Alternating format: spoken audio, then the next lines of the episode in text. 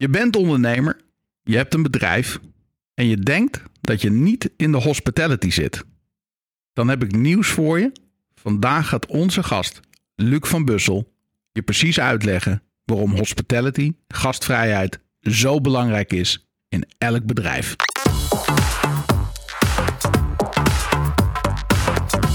Roeland, welkom in de podcaststudio van Storyband. Fijn dat je er weer bent. Ja, jij ook, Daan. Leuk. Ik, eh, ik zie uit naar de, de, deze uitzending. Ja, dit is uh, ook wel weer een hele bijzondere, hè? Ja, het is zo leuk om iemand te hebben die op zo'n hoog en groot niveau ehm, onderneemt en ondernomen heeft. We hebben vandaag uh, onze gast Luc van Bussel. Luc heeft uh, heel veel gedaan, onder andere het verkoop, verkoopklaarder maken van Centerparks. Het was verkoopbaar, maar hij kreeg de opdracht om een drie jaar tijd met een team te zorgen dat, dat nog eventjes de puntjes op de i werden gezet als het ware. Dat is een mega missie geweest. Daarna is hij uh, bij Profile Tire Center aan de slag gegaan in Veenendaal, waar zeven man op kantoor zat. En toen hij wegging 150 man en 150 miljoen omzet. Dan weet je iets over een franchise-organisatie neerzetten. Dan heb je de klappen van het zweep wel, uh, die ken je. Dan heb je je sporen verdiend uh, eigenlijk. Ja. En nu, vandaag, en dit is dan ook maar meteen de introductie van Luc, is hij de directeur van Regards Meeting Centers en uh, de oprichter van onemeeting.com. Daar gaat hij straks alles over vertellen. Luc van Bussel is ook spreker. Je kunt hem boeken op alle grote sites waar je sprekers kunt boeken. En um, hij is auteur. Hij heeft een aantal mooie boeken geschreven waar we het ook zometeen met hem over zullen hebben. En alles wat je wil weten over de gast en over alles wat in deze podcast besproken wordt, staat natuurlijk in onze show notes. Dat even over Luc. Hey, um, Roeland, ja. wij hebben het heel vaak over gastvrijheid. Ja. Ik denk dat wij ook in alles proberen gastvrijheid te tonen. Um, maar hoe zie jij gastvrijheid? Nou, ik denk niet dat we het proberen. Ik denk dat we het heel goed doen. Ja? Dat we ons daar bewust van zijn. Omdat we, kijk, um, bij gastvrijheid en bij hospitality is het denk ik, als het er is, dan merk je het niet. Als het er niet is, dan weet je wel zeker dat je iets gemist hebt. Ja, dat is wel mooi gezegd, hè? Dat zit soms in hele kleine dingen. Hier op kantoor, als we gasten krijgen, uh, dan, dan, horen we... joh, wat hebben jullie toch lekkere koffie? Doe nog maar een bakkie. En uh, eventjes uh, goed aangeven waar, je, waar, waar, de mensen moeten zijn. Waar ze kunnen parkeren. Um, het zit allemaal in hele kleine dingen. Hè? Die hele kleine dingen, als je die van tevoren al goed doet... dat iemand zich ook welkom voelt als die hier binnenkomt. Ja. Dat is volgens mij, uh, ja, dat zijn de eerste stappen in, in gastvrijheid. Die ieder mens altijd doet. Hè? Ja. Dus je, je kan het gewoon, als je dat gewoon goed regelt, dan heb je eigenlijk heb je al een streepje voor, zou je kunnen zeggen. Mm. Nou, wat ik ook altijd wel leuk vind hier is dat we altijd, je kunt altijd mee eten. Ja, we regelen ook altijd le lekkere lunches. Onze klanten die, uh, die, die vinden het ook leuk om uh, zelfs van de andere kant van het land hier naartoe te rijden. En we doen echt ons best. En we Ja. zullen ongetwijfeld het nog beter kunnen doen. Daar, daarom ben ik altijd wat voorzichtig met over onszelf zeggen dat we zo gastvrij zijn. Ja, maar we dat- streven het wel echt, uh, echt na. Hè? Ja, ja, van een aantal dingen zijn we ons denk ik heel goed bewust. Dus die zullen we, uh, ja, die doen we volgens mij wel goed. Maar ja, er is altijd ruimte voor verbetering. Dus uh, Ja. wie weet. Ja, nou joh, ik denk het ook. Ja, Um, we gaan het uh, leren van, uh, van een, uh, een grootmeester in de gastvrijheid. Hij Ja. komt uh, natuurlijk ook uit het hotel- en restaurantwezen. Zullen we gewoon uh, naar Luc gaan? ja, laten we dat doen. Oké, okay, hier is het interview met Luc van Bussel. Nou, Luc, hartelijk welkom in de podcaststudio van uh, Storyband. Fijn dat je er bent. Ja, heerlijk om hier te zijn. We hebben elkaar uh, enige tijd geleden ontmoet door een wederzijdse relatie van ons. Ik voelde direct een klik. Ik denk, oh, dit is echt een rasse ondernemer. En dan jouw verhaal te horen en dat nu te kunnen delen met de luisteraar, dat vind ik echt helemaal geweldig. Nou, dat, uh, dat is mooi om te horen. Ik denk dat die klik uh, wederzijds was. Heeft misschien ook iets te maken over de man die ons bij elkaar gebracht heeft. ja. Die wist dat waarschijnlijk. Dus ja, die ja. Nou ja, dan laat ik ze bij elkaar zitten. Ja, precies. Dus, ja, dat, dat, heeft hij inderdaad gedaan. Uh, misschien kun je even iets vertellen over de reis die jij hebt afgelegd en, en, en ja, waar je vandaag staat. Er zitten best wel wat mooie uh, hoofdlijnen in jouw verhaal. Maar hoe kijk jij daar zelf naar? En wat kun je mij als luisteraar meegeven in die reis? Nou, ik kijk daar uh, altijd heel erg romantisch op terug. Dus uh, ik ben een romanticus. Laat ik, laat ik beginnen met uh, ja, de geboorte. Dat, dat is misschien ook wel een verhaal op zich. Ik zal niet te lang bij stilstaan, maar ik ben een Nederlander die in uh, België geboren is. Dus ik ben een, een Vlaming met een Nederlands paspoort. Ja. En ik woonde in het kleinste dorp, denk ik. Zo voelde dat tenminste. Met de, met de blik van nu terugkijkend, zeker in, in Leut. Dus dat zegt ook al wat. Uh, 600 inwoners, geloof ik. En, en doel 1 was: ja, hoe kom ik hier uit? um, en mijn, mijn basisgedachte was ook ingegeven door mijn moeder, die wij zelf um, Maître d'Hotel noemden. Want wij noemden ons huis Hotel Germain. Dat zij, ja, zij was zeg maar de, de vijf sterrenmoeder. Ja. En vooral culinair ingegeven en noem maar op. En ja, ik had het idee, ik kan haar een plezier doen om naar de hogere hotelschool te gaan. Maar voor mij was dat eh, het, was het tweede plan ook. Ja, dat is misschien ook wel eh, de, de, de beste route om hier weg te komen Ja. in dit dorp. Eh, ja, niet zozeer dat het dorp, eh, dat er iets mis was met het dorp. Integendeel. Maar als je je afvraagt hoe ga ik hier dan een loopbaan eh, of een carrière maken, dan was het toch eh, redelijk zoeken in het Limburgse. Ja. Ja, waar de kolenmijnen ooit waren. Maar ja, dat was, Ja. dat was niet mijn plan, zou ik maar zeggen. Nee. Dus ik ben eh, naar, eh, om mijn moeder een plezier te doen. En, en, en ook met het idee, ja, hotels zijn in de hele wereld overal hetzelfde. Dus je kunt overal eigenlijk aan de slag. Dus laat ik een hotelcarrière starten. En zo ben ik eh, naar de hotelmanagementopleiding in Brussel gegaan. En zo stage gaan lopen in, in het Holiday Inn in Frankfurt am, am Main. in een soort derde managementstage. En daar, ja, daar, daar, daar heb ik toch iets ontdekt. En, en dat, was, dat was misschien wel een life-changing event. Eh, samen met eh, mijn beste vriend Paul, die daar toevallig ook eh, aan de slag was. En we elkaar leren kennen. En het plan is, ja, hoe kun je hier nou blijven? Na je stage. En, ja, en de, de, de, de, de strategiewet, de routewet, door wat nieuws te brengen. Dus kom met iets wat het hotel nog niet heeft. Kom Ja. met, kom met een, een creatief plan. Kom met een, dus ik heb een, een heel kritisch rapport geschreven. Dat ertoe heeft geleid dat ik eigenlijk eh, eh, een paar dagen later al werd aangenomen tijdens mijn stage. En de, de, rode, Oh. de rode draad was voor mij toen helder. Ja, je moet kritisch zijn. Eh, je moet kijken waar de mogelijkheden liggen. En je moet vervolgens komen met een oplossing. Dan moet je die nog verkopen. Ik moest die verkopen aan een ja, toch wel redelijk traditionele Duitse directeur. Die af en toe zelfs met porseleinen borden door de bar gooide. als het hem niet zinde. En hoe ga je dan als, als, als Nederlander. Ja, toen nog Vlaming echt. Ja. Met een beetje een Nederlands accent. Maar hoe ga je dat dan overbrengen bij die Duitser? En Ja. eh, ik had me daar volledig op ingesteld. Ja, hard werken, goed Duits spreken, goed rapport schrijven. En er ook op aanspreken eh, van heb je het rapport al gelezen? Nou goed, en eh, ja, en zo, zo is die carrière daar gestart. En ja, ik ben vrij na drie jaar daar zeg maar toch een aantal functies doorlopen, managementfuncties doorlopen te hebben Ja. dacht ik, ja, nou oké. Dus en what's next? Zo kwam ik bij Centerparks terecht. En eh, eigenlijk heb ik ook daar, in de twaalf jaar dat ik er zat, iedere keer weer gedacht: oké, ik werk nu op een, eh, op een park. Ik heb in de eerste jaren vooral eh, in managementrollen gezeten op, Ja. op een park. Nou ja, dat, dat was al een hele ervaring. Hè? Dus met, met 600 bungalows, drie- 3.500 gasten, zit je eigenlijk, ben je eigenlijk burgemeester aan het spelen op een park. ja, want hoeveel mensen werken er op zo'n park? Nou, toen in die tijd denk ik tussen de 6 en de 700. Zo. Eh, en eh, ja, dan werd je hoofd bars en restaurants. En eh, voor je het weet heb je met 300 medewerkers te maken. Ja. Ehm, ja, en, en vervolgens dacht ik, nou, hoe groter blijkbaar, hoe ook hoe makkelijker.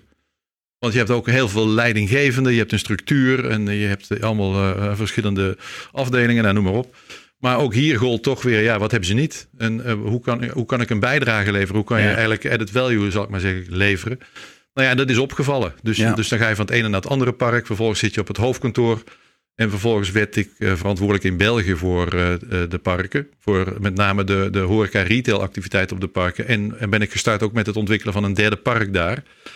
Maar ja, toen ontstond er iets nieuws. Namelijk, dat was ook weer een nieuwe ervaring. Dat Centerparks toch te koop stond, hè, om Ja. het maar even zo te zeggen. Ja. Dus de, de eigenaar wilde er eigenlijk van af. Ik werd verplaatst terug naar, naar het hoofdkantoor Rotterdam. En eh, ben aan een eh, driejarig project begonnen om eh, Centerparks eigenlijk verkoop klaardur te maken. Ja. En heb daar eigenlijk innovatie, creativiteit in de, in een, in de pressure cooker Ja, er stond een deadline op. Ja, er stond een deadline op. Plus, ja, alles stond in het teken van, ja, het, het, moet er, het moet er goed uitzien. Het moet sneller groeien. Dat, gaat, we- dat gaan we vervolgens doen op alle parken in België, Nederland en Duitsland. Zoek de mensen die je daarvoor nodig hebt. Budget is geen probleem. Dat is helaas daarna nooit, nooit meer zo geweest dat iemand zegt: budget is geen probleem. Nee. Ehm, nou ja, en eh, eh, lang verhaal kort is toen Centerparks uiteindelijk verkocht werd. Toen, wilde ik, toen had ik toch ook weer zo'n moment. Ja, ik denk, ik denk dit, dit, dit kan ik nooit meer opnieuw doen. Nee. Dus, dus verko- verkoop, verkocht worden aan een Franse eigenaar. Die eh, met een hele andere kijker naar keek. Was voor mij iets. Nou, nu ga, ik een, eh, nu ga ik compleet iets anders doen. Dus ik ging in de banden. Van zwembanden naar banden. En dat werd Profile Tire Center. En daar lag de vraag. eh, die, die mij via ook weer een relatie. opeens eh voor kwam liggen. Van ja, ze willen van een corporatie. een hele internationale professionele franchise-organisatie maken. met meerdere formules. Ze zijn nog niet actief in B2B contracten met, met leasemaatschappijen, fleet owners en noem maar op. Dus ja, is dat wat? Nou, ik denk, ja, ik heb hier totaal geen verstand van, hè, maar ook werkelijk niks. Dus ja, dan is dat wat. Ja, Want, dus, want ik denk, ja, eh, bijzonder ik, heb, ik, heb, ik heb operationele ervaring. Ja, Eh, ik zat in de service-industrie. Ik, ik was eh, in development. Ik, zat, ik was internationaal georiënteerd. Dus ik kon ook wel na- over de grens heen kijken met, met die formule. ja, Maar het idee dat je dus bestuurder werd, statutair bestuurder werd van een vennootschap. Eh, die zegt, nou ja, kun jij die kart trekken? Je mag hem, oh, we zijn met zeven mensen begonnen, dacht ik, op het hoofdkantoor. En we zijn geëindigd met, eh, met 120, dacht ik. Dat weer even geleden. En we zijn van anderhalf miljoen euro omzet, die de franchisegever had, Mm, naar 150 miljoen gegroeid. zo. Dus, dus ja, misschien is wel de les. eh, zet, zet mij op een plek waar ik totaal niet zeg maar be- begaan ben met hoe het altijd was. Ja, Ehm, en eh, dan komt creativiteit en, in, Ja. en innovatief vermogen zeg maar, opzetten. Ja, en uiteindelijk dan nu eh, eh, sinds 2014 bij eh, Regards Hospitality Group. Dat eigenlijk gestart is als kun je me helpen. Mm, Job Heiligers, eigenlijk een goede relatie mee op de oprichter die, die door de bankencrisis heen zich beweegde. Vroeg, kun je me helpen? ja, Met advies over hoe we dit zouden moeten doen. Ja. ja, Nee, dat begon natuurlijk al wat eerder, 2010, ja, eh, 2011. En, eh, ja, en het hield maar niet op hoe eh, zo'n klassieke keten van eh, vergadercentra zich kon aanpassen aan een omzetuitval van heb ik jou daar in die bankencrisis en de, en de nasleep daarvan. Want ja, die zakelijke markt ging daar meteen natuurlijk op reageren. ja, Nou ja, en toen ging eigenlijk toch ook weer, gingen toch ook weer alle lampen branden, om het maar even zo te zeggen. van ja, dit, dit, dit bedrijf heeft een enorme sterke, noem het maar even, niet alleen ziel. eh, qua cultuur met name, maar ook qua procesbeheersing op dat meetingvlak. ja, dus op vergadervlak. precies. En ja, daarvan heb ik eh, toen al heel snel gezien, ja, dan hoort hier eigenlijk een andere strategie bij. Namelijk niet de strategie met eh, eigen locaties alleen, maar een platformstrategie met alle locaties wereldwijd. Van een traditioneel keten naar een platform. Ja, en, en, en, en, ja, hoe, en, en dat was voor mij wel de eerste keer dat ik iets moest transformeren. Ja, Want eh, in die andere gevallen zeiden ze, nou, dus van alle banen hiervoor tot en met terug naar het. Holiday Inn en Frankfurt, Luc, eh, begin maar wat nieuws. Begin maar wat nieuws. En zeker bij Profile, dat was allemaal nieuw nieuw. Maar dit is iets dat gedraaid moet worden. mm, En, eh, en dat is een nieuwe complexiteit. Dus dat je zowel moet transformeren als innoveren op hetzelfde moment. ja, Dus de, de, de tanker dus de juiste kant op laten varen. En tegelijkertijd een paar speedboten in het water leggen. En kijken of daar genoeg groeipotentieel in zit. Nou ja, dat traject van 2014 tot eh, voor de coronacrisis hebben we denk ik op geweldige wijze met het team eh, gedaan. het feit dat je er nog bent. En dan komt Toch? Ik bedoel, dit, is heftige, dit zijn heftige dingen als ondernemer. En dan heb je dus ja, de hele rugzak feitelijk, met name financiering. En, en alle lasten die vanuit de, noem het maar even, bankencrisis destijds en wat het gedaan heeft met het bedrijf. Hè, dan heb je die, die rugzak eigenlijk eh, af kunnen werpen. Mm, Want in de transformatie en in het opbouwen eigenlijk van het nieuwe bedrijf OneMeeting.com, het platform, eh, zijn, ja, waren we helemaal fris en fruitig eh, eh, zeg maar eind 2020. ja, Ja, en toen stonden we op het punt om eh, zeg maar voor een totale nieuwe strategie te gaan. Of eigenlijk voor de volledige platformstrategie te gaan. Dus onemeeting.com volledig naar boven brengen. En eh, naar, naar de topline van je activiteiten ook. eh Ja. Kijken naar internationale activiteiten, noem maar op. Ja, dan, en, en vervolgens komt corona. Ja. Dus ja, dat is dan, eh, dat is dan zeg maar plan, plan 4 in mijn, in mijn leven. Dus wat als je, ja, ik, ik zeg het lachend, maar het is eigenlijk natuurlijk het meest dramatische. ja het is Maar wat, maar wat als je opgesloten wordt? Je komt in een lockdown. Iemand neemt je sleutels af, je bedrijf gaat dicht. In dit geval voor eh, 14 maanden. Ja, wat doet dat met je? Hoe, eh, Wat hoe- doet dat met hoe, je? Hoe, Ja. gaat- hoe, hoe kun je dat overleven? Want dit is, dit is de eerste keer dat de omgevingsfactoren, dat ik die niet onder controle heb. Nee. Want tot nog toe was de markt dan degene die je moest zien te veroveren. Ja. Weet je, met concepten, formule, strategie. Ja, en opeens ja, zit je in een lockdown. Nou ja, dat, dat is voor, kijk, dat is voor de mensen die. eh, eh, er zijn twee mensen, zeg ik altijd, twee soorten mensen in de crisis. Dat zijn degenen die ja, opgesloten zaten in de lockdown. Die hebben een emotie. Ja. En je hebt degenen die ernaar gekeken hebben. Ja. En, en, en de een begrijpt de ander niet. Nee. En, ik begrijp, en en dat begrijp ik ook. Ik heb daar respect voor dat mensen niet begrijpen hoe het is als ondernemer om opgesloten te zijn. Ja. En, en in een noodscenario te komen. En wat dat noodscenario met jou doet, je team doet, je strategie doet en noem maar op. Want geef even de, de, de, de contouren van deze situatie. Hè? Dus even voor de luisteraar. Ehm, geef even iets perspectief, even iets beeld van die business waar je die rugzak af had geworpen. En waar stonden jullie? Hoeveel mensen werken er? Hoeveel meetingcenters heb je? En dan die lockdown. En wat doet dat met je business? En waar hebben we het over?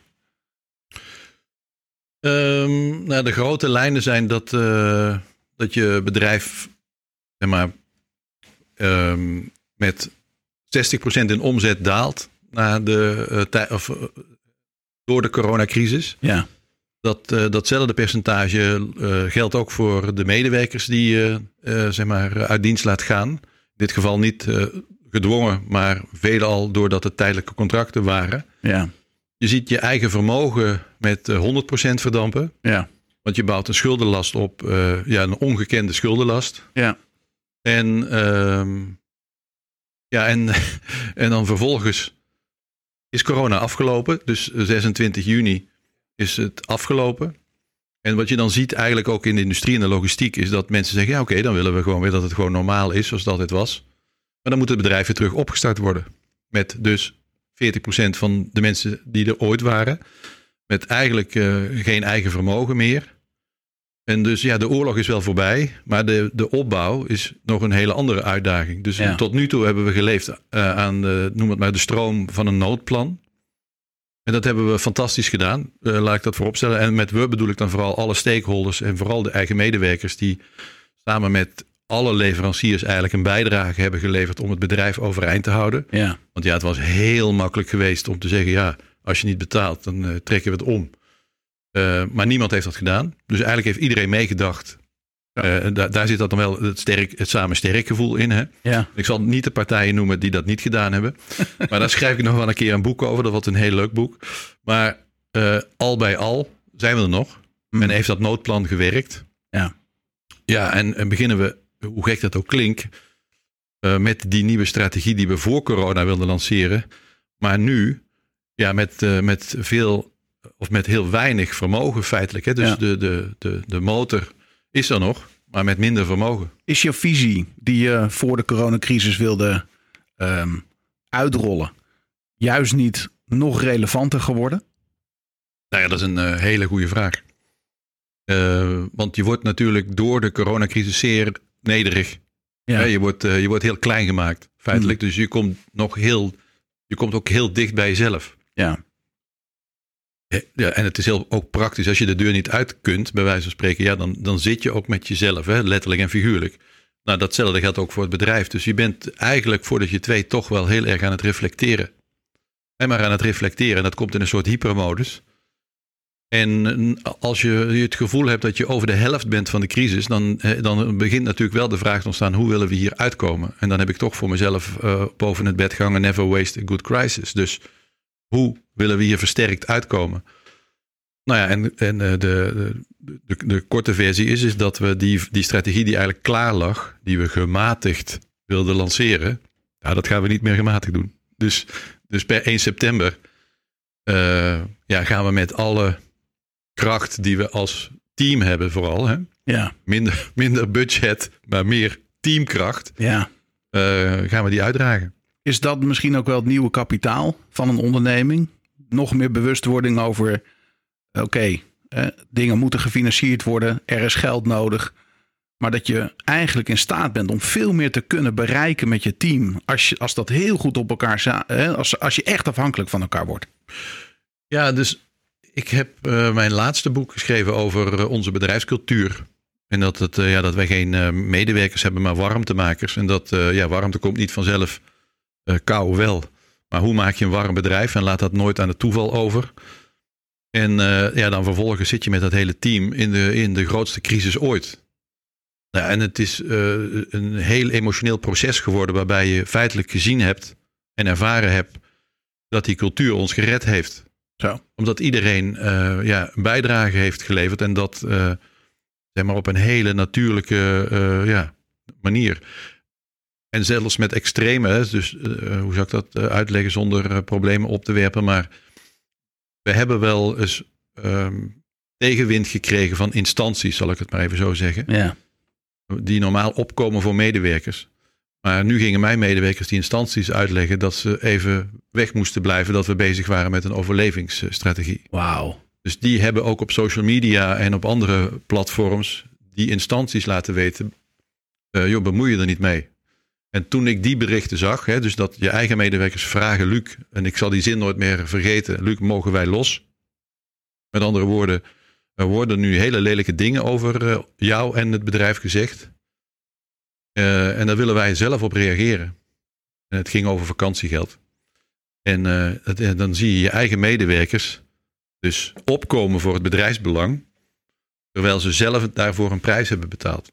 En uh, ja, dan denk ik, ja, dat, dat, dat, is dan ook een unieke ervaring. Ja. En van daaruit put je wel de kracht om tegen datzelfde team te zeggen, zullen we na corona wel vol los. Hmm. Nou ja, en dan is het nog steeds een, ja, een strategie update. Hè? Dus het is nog wel steeds een. Ja, en verandering is altijd ook weer een uh, lastig ding. Maar als ik zie hoe snel we nu via OR en managementteams en noem maar op. die strategie eigenlijk aan het vormgeven zijn voor na de zomer. Ja. Ja, dan voel je nog steeds dat uh, dat, dat samen sterk wel uh, nog sterker is geworden. Wauw. Heel mooi. Die, um, die cultuur, hè? want je maakt net een uitspraak die ik toch nog eventjes terug wil halen. Want dat is, dat is best wel een statement. Onze cultuur heeft ons gered uit deze crisis. Um, ik heb jouw boek hier in handen. Een van jouw boeken die je hebt geschreven. Gastgevers in geluk. Zeven stappen naar hartverwarmende hospitality. Um, daar ga ik je zo een paar vragen over stellen. Dit, dit is een waanzinnig boek. Ik zou ook tegen de luisteraar willen zeggen. Uh, kijk even in de show notes. Daar zet ik alle links neer van de uh, boeken van, uh, van Luc. Is dit de blauwdruk van jouw cultuur? Zou je het zo kunnen noemen? Ja, zeker. Dus Kijk, cultuur is zeg maar dat wat je doet als niemand kijkt. Ja. Um, en wat ik ook, ja, en cultuur is iets anders dan natuur, want natuur was er al, cultuur is wat wij ervan gemaakt hebben. En de vraag is, ja, hoe ontstaat dat dan? En als je in dit geval 57 bent en denkt, ja, als ik dat niet aan het toeval wil overlaten, hoe mijn bedrijf eruit ziet van binnenuit naar buiten toe, wat moet je dan eigenlijk doen om ervoor te zorgen dat dat een, uh, ja, een hele stevige organisatie wordt, menselijkerwijs? Ja. En die zeven stappen, die hebben we eigenlijk ontwikkeld als zeven stappen. Een soort bewustwordingsproces. Hoe werkt gasvrijheid eigenlijk? Want dat, is, dat was eigenlijk mijn eerste gewaarwording toen ik begon hier uh, in dit bedrijf in 2014. Ik kan toch niet aan medewerkers vragen om gastvrij te zijn. Hmm. Als we het aardigste bedrijf van Nederland willen worden, want dat was ons plan en nog steeds als ze me vervolgens vragen, ja, maar Lucie, hoe dan? En dat ik zie me daar dan, ik, ik zag me dan al staan daar als ondernemer en, eh, met, en, en dan moet ik antwoorden. Ja, dat weet ik ook niet. Want, want ik heb geen formule. En ja, kijkend ook naar jouw boek. Kijk, als, als, het, als er geen formule is, dan geloof ik er ook niet meer in. Dus als, ik, als ik tegen mijn medewerkers niet kan uitleggen wat de gasvrijheidsformule is, die ze kunnen gebruiken als inspiratiebron, als model, om gasten zich meteen thuis te laten voelen. Dus hoe kun je iemand in 20 seconden alvast een voorpretgevoel geven dat hij zich thuis kan voelen in een vreemde omgeving? Ik, ik geloof niet dat dat per toeval kan. Nee. Ik wil het ook niet aan toeval overlaten. En ik heb nee. met specialisten feitelijk die zeven stappen ontwikkeld. Dat zijn zeven stappen. Het zijn eigenlijk drie zones waar je als vreemdeling doorheen gaat psychologisch als je in een vreemde omgeving komt. En wat, het, wat het systeem dan, of wat, jou, wat jouw lichaam dan eigenlijk tegen je vertelt. En dan vervolgens de vraag aan ons, ja, hoe kun je daarop inspelen? Dus is er een, uh, een proces te bedenken waarbij een vreemdeling zich snel thuis voelt? Als je dat vervolgens uh, hebt ontwikkeld, dan eh, ben ik ook weer tot een andere conclusie gekomen. Is dat sfeer is net zoals zuurstof. Ja, die zie je niet, maar die is er wel. En als klanten en gasten bij ons komen, hoe krijgen we het dan voor elkaar dat ze denken: wat is dat hier toch? Wat is dat? Ik voel hier iets, ik weet niet wat het is, maar ik voel me wel fijn hier. Nou, dat is de cultuur. Die zit, dan zitten ze namelijk in onze bubbel. Ja. En die zeven stappen, die zijn we als eerste gaan toepassen om hoe gaan wij met onze medewerkers om. Ja. Hoe zorgen we ervoor dat medewerkers zich bij ons thuis voelen, zich als een vis in het water voelen. Wauw. En dan komt pas veel later de rest. Ja. En, uh, dus het is van binnen naar buiten. Cultuur. En, ja, en dat, dat zijn we extreem gaan doorvoeren, omdat we dat gasvrijheidsmodel hadden. Ja. We hebben daar een, uh, een, een cultuurmatrix voor gemaakt. Hoe gaan we dat invullen met rituelen? En vandaar de Confetti Company, het boek dat erover gaat. Dat is ons eerste ritueel, confetti. Want wij onthalen alle medewerkers met confetti.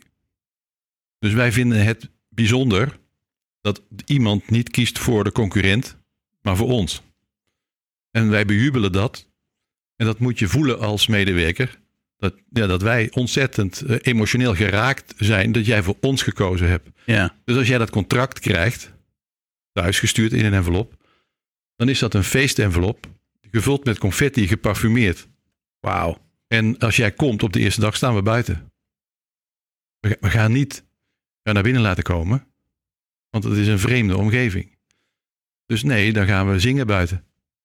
En uh, ja, de eerste week zeg je tegen mij, Lucky, want ik wil de drempel laag houden. Ja.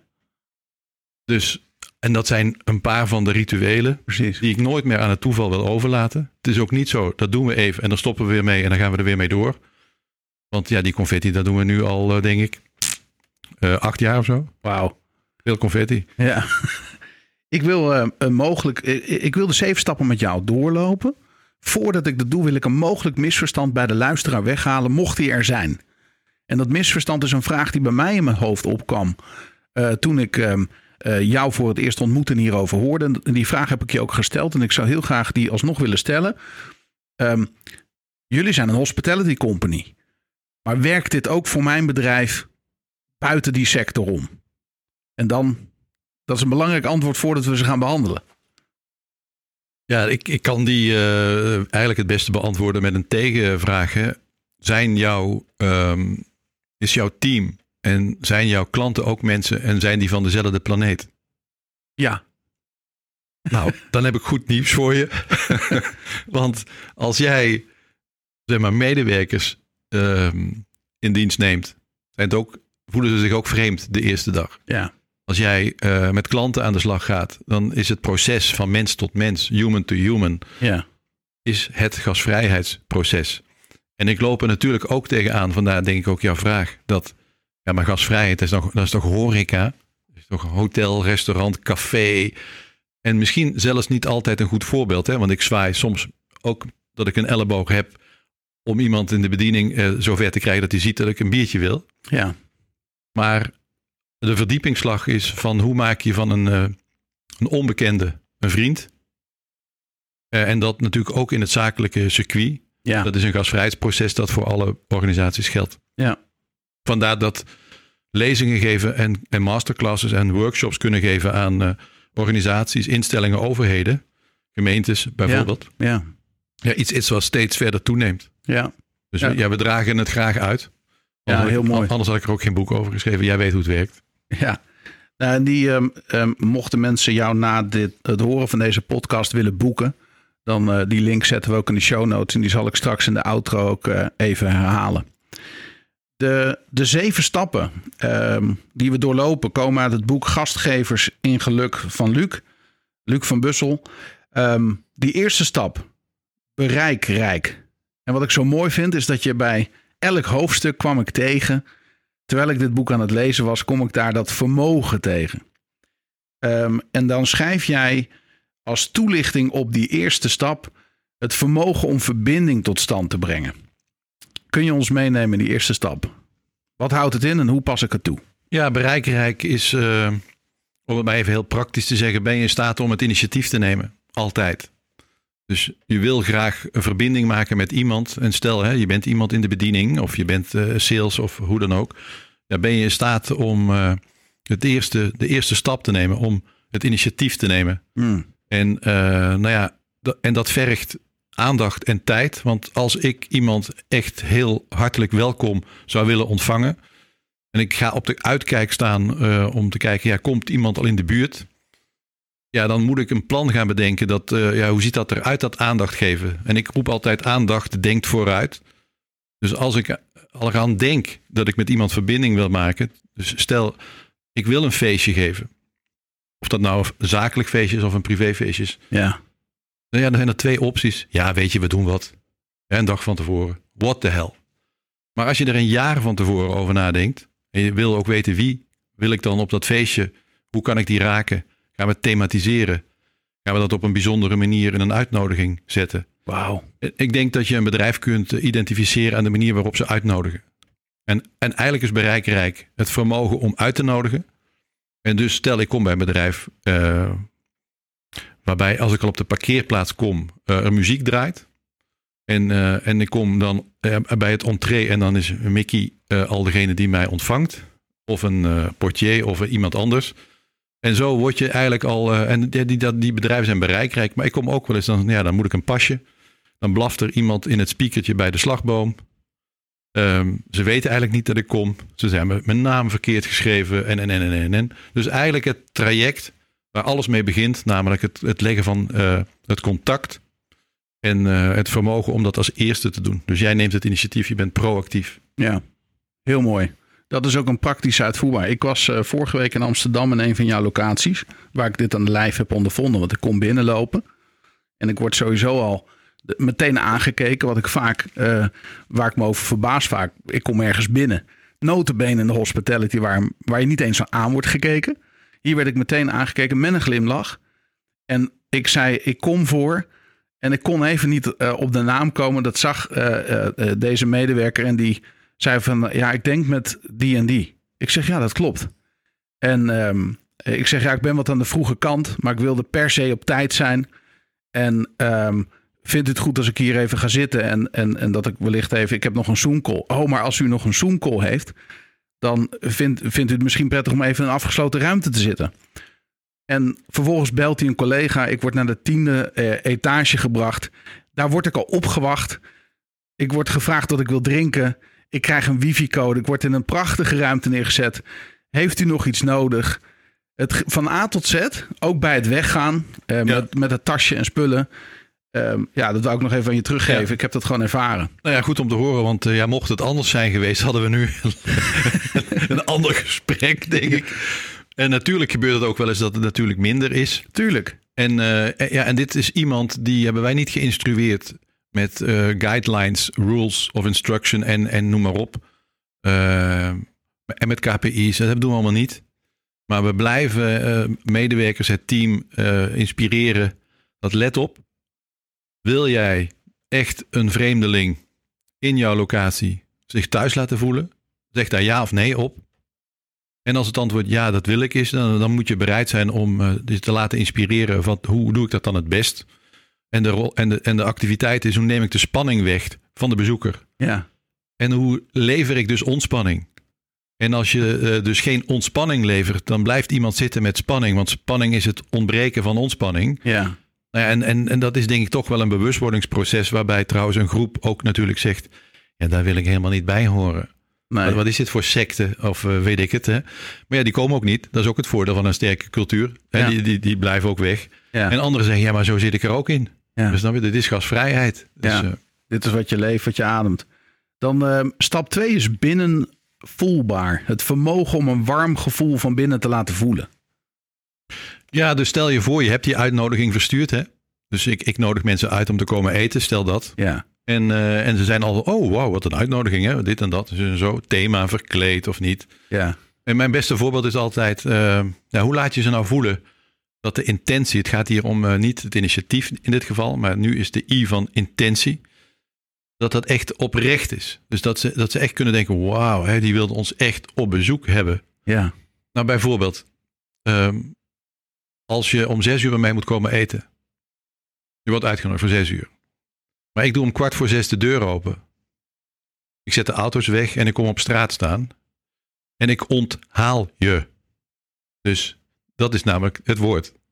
ik kom jou halen. Mm. Dus stel je voor dat ik jou aan de deur laat bellen. Huh? Ondenkbaar. Dan zeg ik tegen mijn zoon altijd, want mijn zoon zei vroeger altijd toen ik dit verhaal vertelde. Ja, maar pap, pap, pap, de boeven, de boeven, de boeven lopen naar binnen. Ik zeg nee, als de deur open staat lopen de boeven niet naar binnen. Dat doen ze als de deur dicht is, s'nachts. Dus we zetten om kwart voor zes de deur dan maar open. Gaan met iedereen naar buiten. En als dan oma, o- opa komt of vrienden komen, dan voelt dat. Wat doen jullie hier buiten? Wat, wat is dat? Ja, nee, we, ons, ja, we komen jullie tegemoet.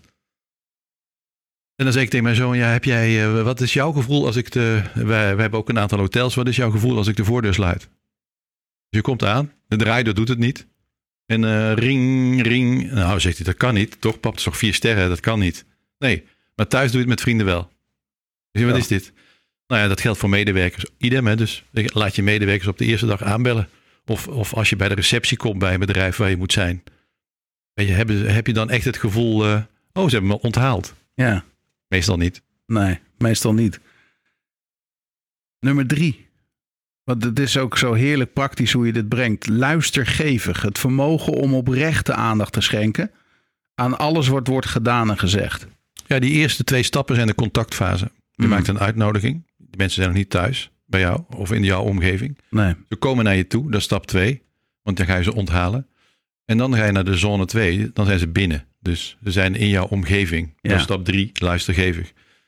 Ja, en dan is het toch awkward, want eh, ze zitten in jouw omgeving. Hoe vreemd is dat? Weet je, dat je ergens bent, eh, oh, ik ken niet, wat is dit hier? Ja. Dus hoe neem je die spanning weg? En, onze, en ons verhaal hier is, ga niet eh, zenden, maar ga vragen stellen.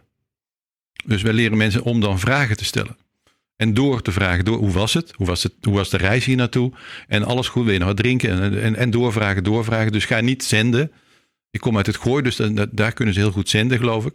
Maar eh, wat ze allemaal hebben bijvoorbeeld. Maar je, je moet vooral vragen stellen. Ja. En ik denk, ja, het kunnen vragen stellen, dat zorgt ervoor dat iemand denkt, en dat is de derde I, eh, eh, eh, iemand heeft hier interesse.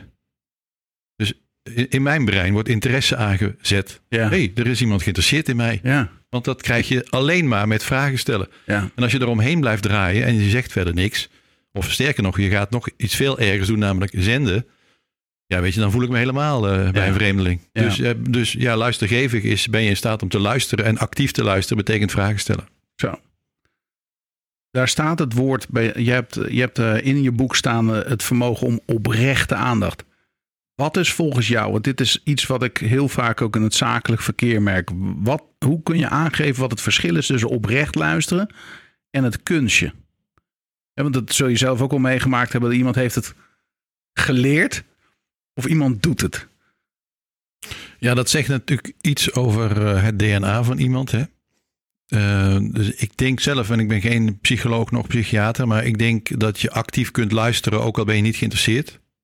Ja. Dus ik, ik kan me namelijk voorstellen als je heel veel gasten en klanten hebt op een dag en je moet altijd dat oprechte gevoel eh, neerzetten, dat dat best eh, eh, intensief is en energievol is. Ja. Dus soms denk ik, gaat het met wat meer oprecht, minder oprecht en dan soms met wat meer. Maar de basisgedachte is wel, ik ben oprecht geïnteresseerd in de ander. Ja.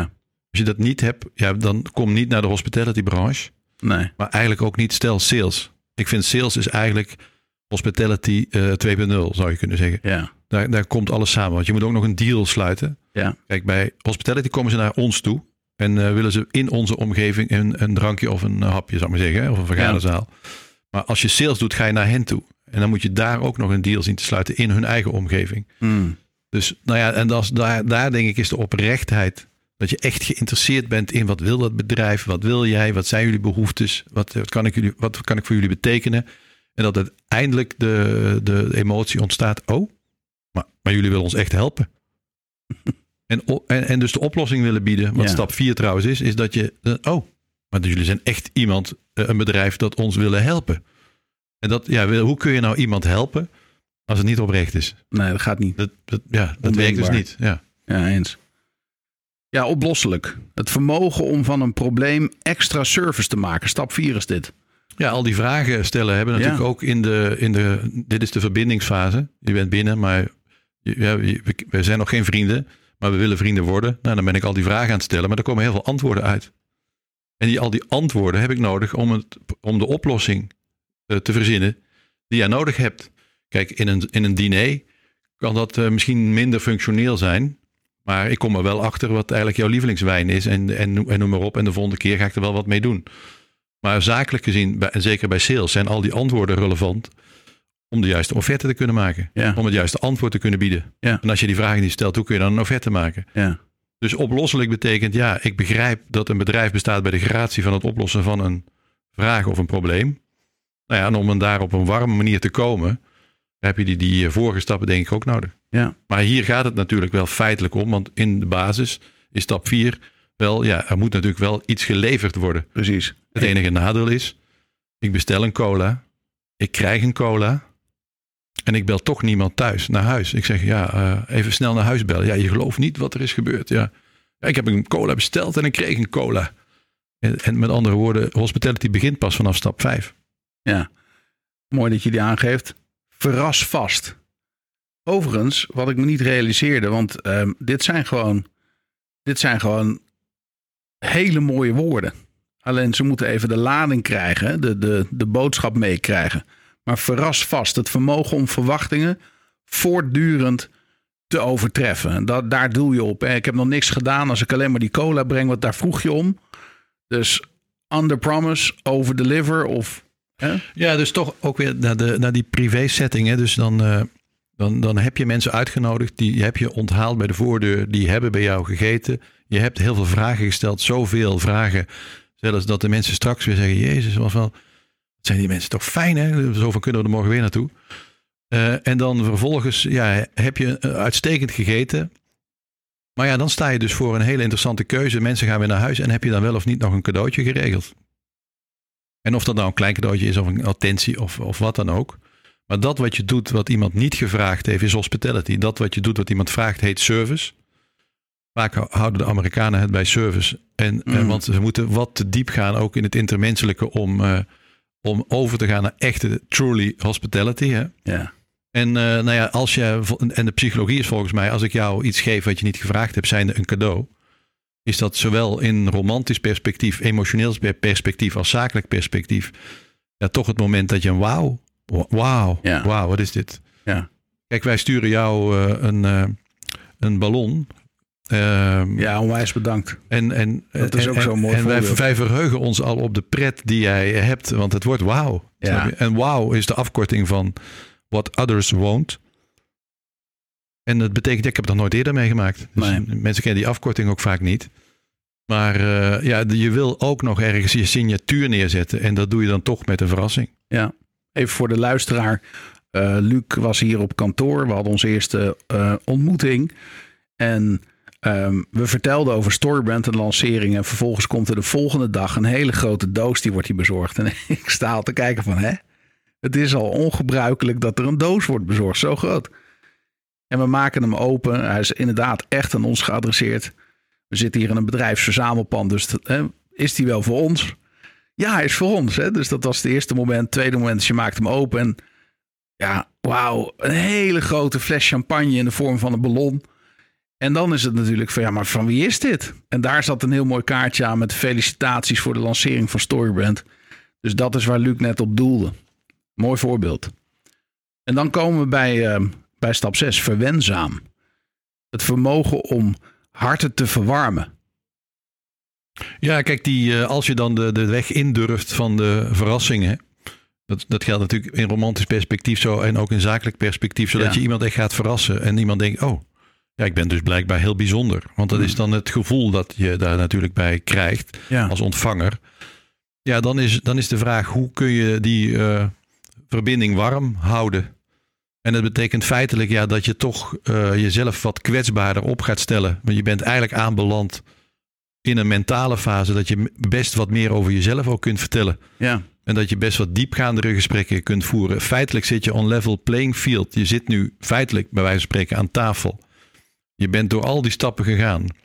En je zegt tegen die vrouw of man, nadat je dat cadeau hebt gegeven, dan ontstaat er een soort opluchting. Ja, nu kunnen we dus ook echt vertellen wie we zijn. Mm. Uh, het is niet meer gevaarlijk. Nee. Want het, ja, het reptiele brein in ons allen zegt, ja, de ander die we niet kennen is gevaarlijk.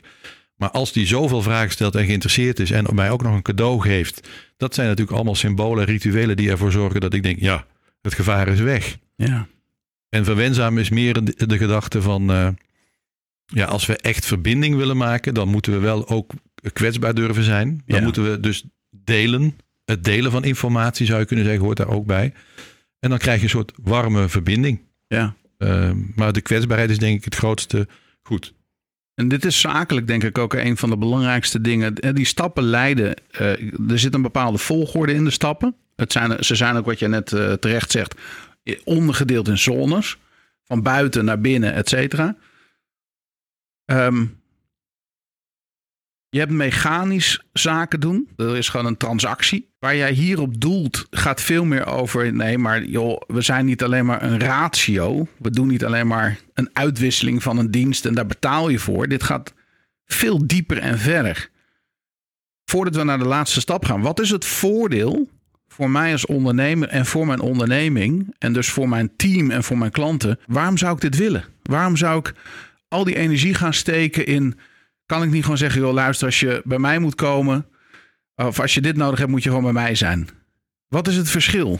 Waarom is dit zo belangrijk? Kijk, ik weet niet of het zo belangrijk is. En ik weet ook niet uh, of het verschil met de professionele sales, zoals je dat waarschijnlijk dan leert uh, bij al die grote bedrijven die in sales excellent georganiseerd zijn.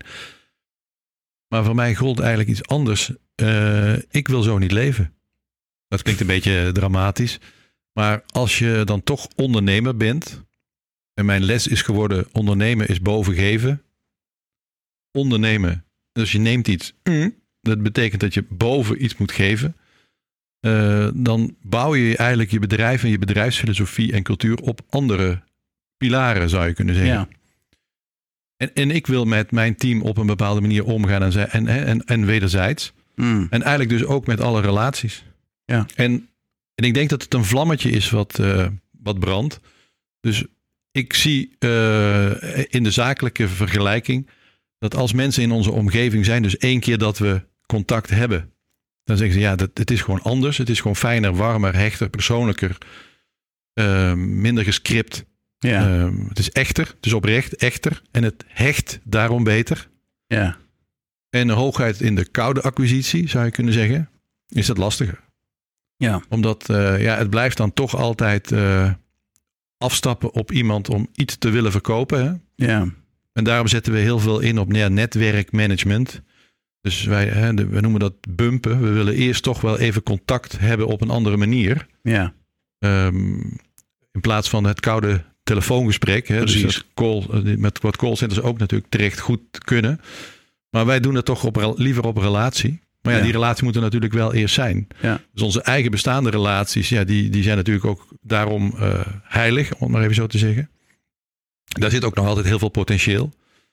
Maar voor de rest, denk ik, willen we in het eerste contact met nieuwe prospects en nieuwe klanten vooral meteen laten doorschemeren. Ja, het voelt met ons anders. Ja. En als dat, als dat op een klik komt, dan zie je dat het heel veel spontaner, natureller, opener wordt. Uh, en ik denk dat de tijdsgeest daar uh, vooral klaar voor is. Ja, mooi. Teruglustig. Stap 7. Het vermogen om een vanzelfsprekend vervolg in de toekomst te bereiken. Die moet je even uitleggen. Ja, nou, uh, terug naar het voorbeeld dat je, dat je dan bij mij thuis bent komen eten. En, dan, ja, dan, en, en, en naar buiten gaan heb je dan nog een cadeautje gekregen. En, en verwenzaam betekent trouwens dat, dat ik toch ook zie dat het dan niet meer mogelijk is om elkaar met een handshake afscheid te nemen. Dus stel je voor, alles was wauw, hè? Mm. Ja. Dan sta je op straat Even en dan geef je gewoon een zakelijke hand. Dat gaat niet meer. Dus het lichaam wil dan ook een intenser contact. En dat is eigenlijk verwenzaam ook. Hè? Dus laten we dan maar gewoon het intenser doen. Maar dan loop je dus naar huis en dan ben je dus thuis. Dus je, hebt, uh, je bent weer terug gewoon in je eigen huis. En, uh, nou ja, en, en, dan ontstaat er toch een soort uh, gelukshormoontje. Waarbij ik denk dat het brein roept, ja, ik wil meer. Ja. Ik wil dit weer. Ja. ja, niet zozeer daar wellicht. Niet weer bij hun. Maar, maar ja, dat gelukshormoon gaat aan en denk ja, dat, ik, ik ben ja, niet verslaafd. Maar het is wel zo dat uh, ja, het humane brein, uh, daar zitten de verslavingen. Dus dat wil je, dat, dat Mm. wil je meer. In het reptiele brein zitten de emoties die je gewoon weert. Die wil je eigenlijk niet. Maar hier zit iets dat verslaaft. Ja, Dus ja, daar wil je meer van. Ja. En dan noem het maar bedrijfsverliefdheid. ja, Dus als je dit eh, heel goed doet als bedrijf, dan, eh, ja, dan zegt iemand, ja, we willen naar dat bedrijf. Ja, we weten Ja. niet waarom. We hebben geen idee waarom. Maar ja, we zijn er een beetje verliefd op. Dus dat, dat is eigenlijk waardoor wij zeggen, dan zijn we verbonden. En dan heeft die, die, die, die drie zones en die, die zes stappen hebben tot iets geleid. ja. En dan heb je een eh, breinpositie, zou je kunnen zeggen. Hè? Maar daar komt dan een hartpositie bij met een T. Ehm, en dat is dan wat ons betreft de betere marketing. Ja. Dus de marketing vanuit wie wij zijn. Hoe wij met elkaar willen werken als team. Hoe wij willen werken met klanten. Zo zijn we. Mm. En dan heb je wie we zijn. Eh, en dat, ja, dat levert eh, bedrijfsverliefdheid op voor medewerkers hopelijk. Hè, dat ze denken, ja, ik wil hier graag werken. En het levert klantliefde op. Maar, niet, maar niet vanuit eh, scripted. Maar vanuit de intermenselijke relatie. Dus ik hoop altijd dat mijn eh, klanten zeggen... ja, het zijn gewoon hele fijne mensen waar, eh, waarbij wij, bij jou waar wij mee kunnen werken. Ja, Maar het is vooral een eh, romantische setting natuurlijk. Want ja, misschien wil ik wel een kroeg in plaats van een bedrijf. ja. ja, nee, helder. Maar als je nu nog even ter afsluiting, Luc. Ik ben ondernemer. Ik luister naar deze podcast. Ik ben geïnspireerd door jouw verhaal. Wat kan ik doen om dit op mijn manier te implementeren in mijn business? Wat, wat, wat is een beetje, wat zou jij willen zeggen van nou, doe dit, eh, Nou, dit zijn de stappen. Nou, ik hou van garanties. Ja. Ehm, want uiteindelijk heb ik ook in mijn eigen bedrijf de redenering altijd eh, volgehouden. Ik kan niet iets doen waarvan ik achteraf moet zeggen, ja, dat was toch eigenlijk de verkeerde keuze. Hè? Hmm. Dat is altijd het lastige ook van strategie en innovatie. Iedereen denkt altijd, oh leuk wat je allemaal mag doen. Maar eh, totdat ik zeg, ja, en wat als het niet lukt? Dan hangen jullie er maar één op. Snap je? Dat is degene die het bedacht heeft. Dus mijn garantie hier is dat als je eh, je team laat inspireren op basis van die zeven stappen. Want uiteindelijk werken ze altijd met mensen. Ja, Dan gaat er een wereld voor je open. wauw. En dat is ook de reden dat we, zeker voor corona, dat ik toch redelijk wat lezingen en keynotes mocht doen. En eigenlijk is dat eh, natuurlijk een hele eer dat je eh, iets wat je hebt eh, ja, uitgedokterd, wat zijn effect heeft, dat je dat kunt delen. Ja, Ehm, maar ik zie ook wat er gebeurt. Ik zie zelfs wat er gebeurt in de zaal. Want ik, ik, ik heb, om af te ronden, een, een knuffel challenge in de zaal als ik een keynote geef. Met iemand op de eerste rij, waar- waarbij ik de garantie, waarbij ik de challenge doe. Ik zeg, ja, je weet het nog niet. Maar zo meteen, drie kwartier later, dan wil jij met mij knuffelen. Ha, ha, ha, ha, ha, ha. Pakken aan driedelig, streepjes. Nou ja, en het, ik eindig altijd op schoot. fantastisch. En dus met andere woorden, de, ja, het, het kan zomaar een eh, unleash more potential, hè, om maar eh, de woorden van iemand anders te gebruiken. En, eh, want ja, we zitten allemaal in de menselijke verbinding. Ja, 100%. Prachtig. Waar kunnen mensen terecht als ze meer van Luc willen weten? Begin even met je boeken, je spreekbeurten en je business. Nou, dat is allemaal samengebracht op één eh, mooie website. Dat is lucvanbussel.com. Perfect. Daar kunnen ze je boeken vinden. Daar kunnen ze ook informatie vinden als ze jou als spreker willen boeken. En daar kunnen ze ook alles vinden over regards en onemeeting.com. Ja, voor de, voor de lezingen kun je ook terecht op alle sprekerssites of op vele alleszins. Ja, En voor de boeken ook in alle online webshops. Ja. Eh, Google het en dan kom je altijd een webshop tegen waar je het kunt bestellen. Maar de voorkeur is managementboek.nl. Hè? Ehm, nou, en onemeeting.com is eh, misschien wel het allerbelangrijkste. Ja. Want wij zijn van de menselijke verbinding. En ehm, nou ja, wij geloven dat mensen bij elkaar moeten komen. En zeker na corona, waarbij dat hele thuiswerken natuurlijk en het thuisvergaderen en het zoomen natuurlijk eh, eh, even tijdelijk een rol heeft gespeeld. ja, Maar onze echte grote passie als totale bedrijf is om die gasvrijheid te bundelen in ons meeting management. ja, Ja, en als je als bedrijf vaak of vaker buiten de deur vergadert, dan brengen wij onze warme kracht en ons unieke systeem, ons meeting management systeem bij elkaar. En helpen we grote en kleine bedrijven met het eh, beheren en plannen en organiseren van hun bijeenkomsten. En eh, ja, dat is eh, feitelijk de grote passie. Het in grote getalen mensen bij elkaar brengen. ja. En dat is zeg maar eh, de, de kracht geworden van onemeeting.com. Geweldig, dankjewel. En dan als laatste vraag, Luc. Ik stel hem aan iedere eh, bezoeker aan de podcaststudio. Welk boek ben jij op dit moment aan het lezen? Ik moet daarbij bekennen dat, uh, dat in, de, in het noodscenario, uh, noodplan waar we meer dan een jaar ingeleefd hebben, dat, Ja. dat er niet echt van gekomen is. Ik was vooral mijn, eh, mijn noodplannen aan het lezen. Ik schrijf iedere dag een hele grote update aan medewerkers. Ik heb ook wel eens wat gepost op LinkedIn. Dus ik, dat, dat is eigenlijk wat ik aan het doen was. Maar ik heb nu toch wel een boek. Dan denk ik, ja, daar heb ik toch wel een tijdje op eh, gewacht. Eh, van hoe kun je je boodschap nog veel beter over de bühne brengen. En ik maak het ongetwijfeld, eh, zullen mijn medewerkers bevestigen, altijd te complex. Eh, ik wil veel te veel vertellen. Ja, dan komt de boodschap hè, niet altijd over. Zeker niet bij iemand die ons niet kent. Dus Story Brand, Ja. het boek, is, Ja. ja. dat, is, dat is een verademing. Ik, toen ik jou hoorde uitleggen ook wat die stappen zijn. Toevallig ook zeven stappen. Ja. Hoe gek kan het zijn? Ja. En eh, nu het, de Nederlandse versie ook beschikbaar is. Gefeliciteerd trouwens met de top 10 eh Ja, eh, dankjewel. zo meteen in, de, in het managementboek. Maar eh, ja, dit is een verhelderend verhaal. En ik denk dat we heel snel ook weer hier mensen, onze mensen weer mee zullen nemen in die formule. Ja, Want het is ook een formule. klopt. En eh, ja, veel marketingbedrijven die, die, waar ik ooit in het verleden ook mee zaken heb gedaan, die hebben formule. Oh, zo formule. Dat is, dat is hun geheim Ja, vaak. Hè? ja. En nu niet. En, het, en het- je hebt het me één keer uitgelegd in, in, in een paar snelle stappen. Maar toen dacht ik al, ja, dit is, eh, dit is de nieuwe marketing. ja. Nou, mooi. Leuk om te horen. Dankjewel, Luc. En ontzettend bedankt dat je hier te gast was. Met alle plezier. Als ik dit interview hoor, doet dat me denken aan een van mijn eerste bijbaantjes. Oh ja? Weet je waarom? Nee? Ik heb een tijd in een, eh, in een hotelrestaurant gewerkt. Was ik vijf, 14 of 15 jaar, dus eh, gewoon onderaan afwas, eh, allemaal van dat soort dingen. Ook even zorgen dat die entree schoon was. En eh, dat was in, eh, in Nijkerk bij, eh, bij een hotel. Kinderarbeid. Kinderarbeid, ja. Werd ook Was je goed, 14, 15, joh? je werd goed betaald. Dus dat was ook de reden dat ik daar ging werken. Lekker. En ik weet nog dat ik een keertje, dan had ik de hele parkeerplaats schoongemaakt. Ik had eh, aan de voorkant van het hotel had ik het tapijt had ik helemaal netjes schoongemaakt.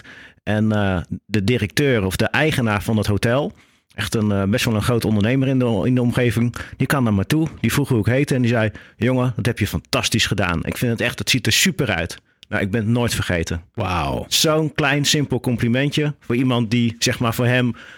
Nou, dat dacht ik toen, hè, van ik ben, ik ben niet belangrijk, want ja, ik doe Mm. alleen maar dit en dit. Maar het was super belangrijk, want het was, en daar heb je ook weer die gastvrijheid. Ja. Ja, de, de entree van een hotel is natuurlijk super belangrijk. Dat moet er fantastisch uitzien. Want Vet. anders denken mensen gelijk van, hé, hey, eh, wat is dat hier voor soortje? Maar die man die begreep twee dingen. Die wist hoe die complimenten moest geven aan elke medewerker. En hij wist hoe belangrijk die taak was die jij deed. Want dat is gewoon het eerste gezicht, de eerste indruk. Ja, zeker. Ja, Cool, man. ja. dat is me altijd Daar bijgebleven. moest je aan denken toen je dit interview hoorde. Ja, Ja. Wat een heerlijke vent, hè, die Luc. Ja, ja, fantastisch. En wat hij eigenlijk zegt, hè, dus zijn, zijn, zijn visie die hij gewoon keer op keer meeneemt en alles wat hij doet, Ja. daarmee haalt hij zijn, eh, zijn resultaten. Ja. Even, wat, wat vind jij er helemaal uitspringen? Dat je denkt van, eh, toen ik dit zat te luisteren, dat, dat, er was één ding, dat is me echt bijgebleven. Ehm, moet ik heel even denken hoor. Ja, maar de reden dat ik dat altijd aan jou vraag is, jij luistert namelijk op een andere manier dan ik. Jij hoort wel andere dingen. Wat vond ik er uitspringen? Ik denk in dit geval eigenlijk het algemene verhaal. Het kwam bij mij over als een soort van mantra. Van oké, dit zijn de dingen waar ik altijd rekening mee hou. En Ja. die ik altijd terug laat komen in mijn bedrijven. En het klonk voor mij een beetje als een soort succesformule. Ja, precies. Die, die hij gewoon keer op keer toepast. En dat zou je kunnen kopiëren als buitenstaande. Maar ik denk niet dat dat werkt. Het is gewoon, het is zijn mantra. En hij doet het op deze manier, want dat is hem met de paplepel ingegoten. Dat zegt hij ook in het begin van het interview. hey, eh, ik, ik kom uit een hotelomgeving en eh, ja, dat vond ik leuk. Dus daar, eh, daar ben ik ook ingesprongen. Hij weet niet beter. Dus dit is gewoon, dit is zijn standaard. Ja, het is absoluut zijn standaard. Ik ben het helemaal met je eens. Dit, dit is een formule. Maar je kunt het wel, je kunt het niet kopiëren zoals jij zegt. Je kunt het je wel eigen maken. Ja, zeker. Ja, En je kunt tuurlijk. zijn stappen wel volgen in jouw business. Ja, dat klopt. Ondanks het feit dat je misschien geen meeting rooms ehm, eh, verhuurt. Hè? Geen, niet, niet in die branche zit van hospitality. Nee, Da- maar dit- dat, is, dat is wat mij eh, opviel in- ook in het interview. Is dat dit geldt voor elk bedrijf. ja. Je kunt ja. dit gewoon toepassen. Het gaat om mensen. Ja, maar bedenk maar na, want je hebt de voorbeelden waar het supergoed geregeld is. En die onthoud je. En je hebt de, de voorbeelden waar het eh, ja, niet goed geregeld is, waar het heel slecht is. En die onthoud je ook. Ja. ja. En Dat is je visitekaartje. Hè? Ja. Ja, want eh, ja, dat, daar hadden we het in de intro ook al over. Als jij ergens binnenkomt en je voelt je, er wordt niet eens even gedag gezegd. Je voelt je eigenlijk niet welkom. Nee. Ja, dat, natuurlijk zet je dat weer naast je neer, maar uiteindelijk heeft dat toch, ja, dat heeft toch een bepaald effect op je als mens. Klopt. Ja. Ja, ik vond het een heerlijk interview. Ik vind het ook weer lekker om een ondernemer te hebben uit een hele andere hoek. Ja, Dat geeft je weer een hele nieuwe invalshoek op ondernemen. zo is het. Ja. Ehm, we gaan eh, afronden. Willen nog één ding mededelen. Onthoud alvast 28 en 29 september. Want dan hebben we de Marketing Tweedaagse, de Marketing Workshop. En dat is een hele bijzondere dag. Ehm, we hebben beperkt plek. Kijk snel op storyband.nl en reserveer je plek. En zorg dat je jouw boodschap voor eens en altijd helder krijgt. En dat je een plan hebt voor de implementatie van je marketing voor de rest van 2021 en 2022. Dankjewel.